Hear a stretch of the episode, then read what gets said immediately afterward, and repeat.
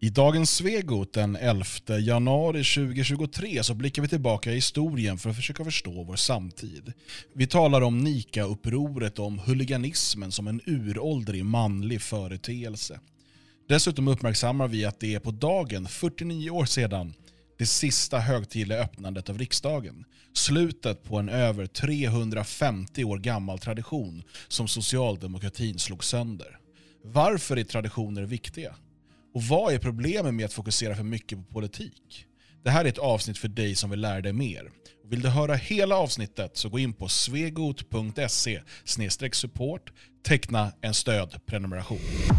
I sin tur leder det här vidare då när man sen ska samlas för ett, eh, ännu ett sånt här lopp så eh, ropas det eh, som det många gånger har gjorts förut från läktarna då, Nika Nika, som betyder typ segra eller eh, ta tillbaka segern. Det är lite svårt att översätta exakt. Men eh, den här gången är det inte riktat mot eh, loppet, utan mot kejsaren.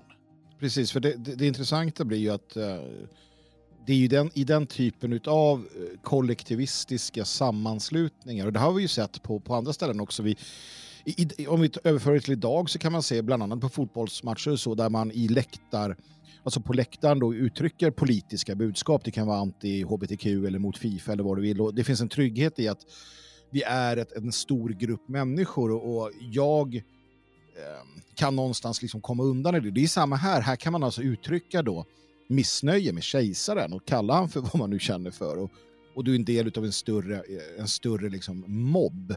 Um, och det, det, har ju sina positiva aspekter naturligtvis som också det kan hetsa upp saker, vilket det kommer göra i det här fallet ganska rejält.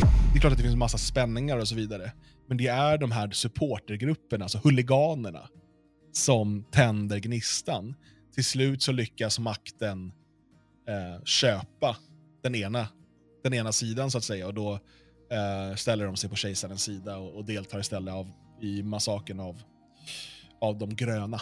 Ja, och det där är ju inte helt ovanligt historiskt sett heller, att, man, att, att makten eh, tenderar att kunna, att kunna trycka, trycka ner även ganska eh, väldigt stora upplopp. Eh, jag vet inte, vi såg det väl senast, inte senast, men vi såg ju nu när Jair Bolsonaro-anhängare stormade regeringsbyggnader i, i eh, Bra Brasilien.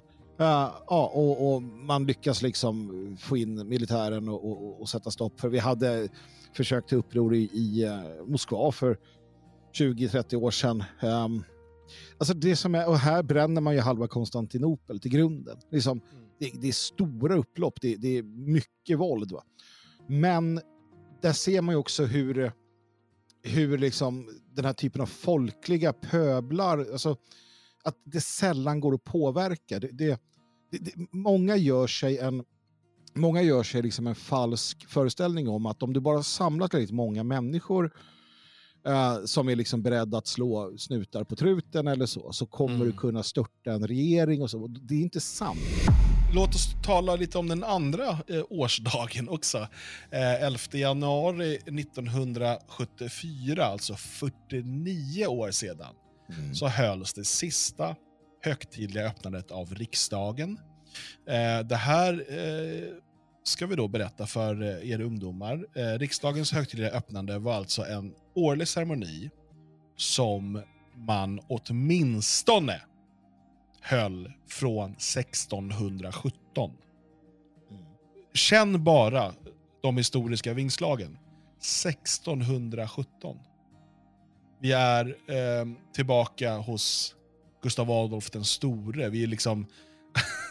det, det, är ju... Det här är en, en lång och fin tradition i Sverige. Eh, som man alltså över 350 år, varje år, har man hållit det här då i rikssalen på Stockholms slott.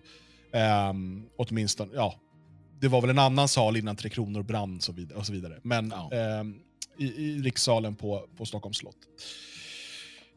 Det här hålls sista gången 1974 och ersätts då med riksmötets öppnande som hålls i riksdagshusets plenisal. Och har du inte gjort det, vi har hänvisat till det här många gånger, titta på det som det finns på Youtube.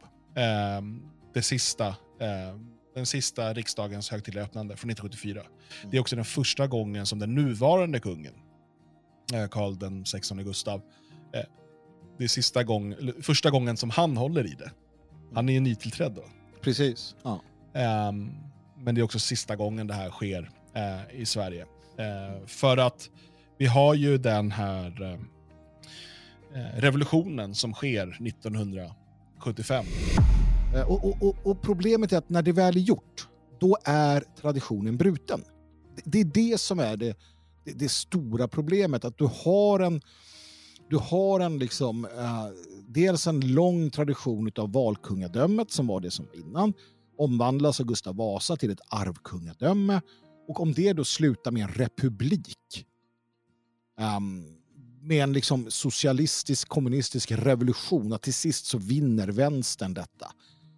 För det är det de gör. Det, det, det ska man komma ihåg om du är då liksom antimonarkist eh, och så. Det, det är en, en klassisk liksom bolsjevikisk idé. Eh, för att det är ett sätt då att, att hä, kunna hävda någon form. Alltså det är auktoriteternas avskaffande, det är hatet mot att, att det finns eh, någon, någonting som är liksom aristokratiskt. Faktiskt, det är vad det handlar om. Och om du ställer dig på den sidan, då, då, ställer du dig emot aristokrati, du ställer dig emot auktoritet, du ställer dig emot traditiona, det traditionella, det, det i grunden. Liksom. Vi, vi, har hanterat kungar, vi har bytt ut dem, vi har liksom Ja, kört med dem, absolut. Eh, vi, vi äger konung, att, vi äger rätt att vräka och välja konung. Liksom. Men att avskaffa det hela, att, att liksom sätta, sätta sista spiken i... Nej, jag hoppas verkligen inte att det sker. Vi kan alltid ändra på saker. Vi kan alltid...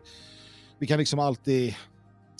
Vi kan alltid göra oss av med en kung som inte duger. Och det är klart att i ett nationalistiskt Sverige, ett nationellt Sverige, där, där vi hade en annan attityd, där folket tog lite jävla ansvar, det är klart att Victoria inte hade sprungit, sprungit runt med en jävla VF-brås.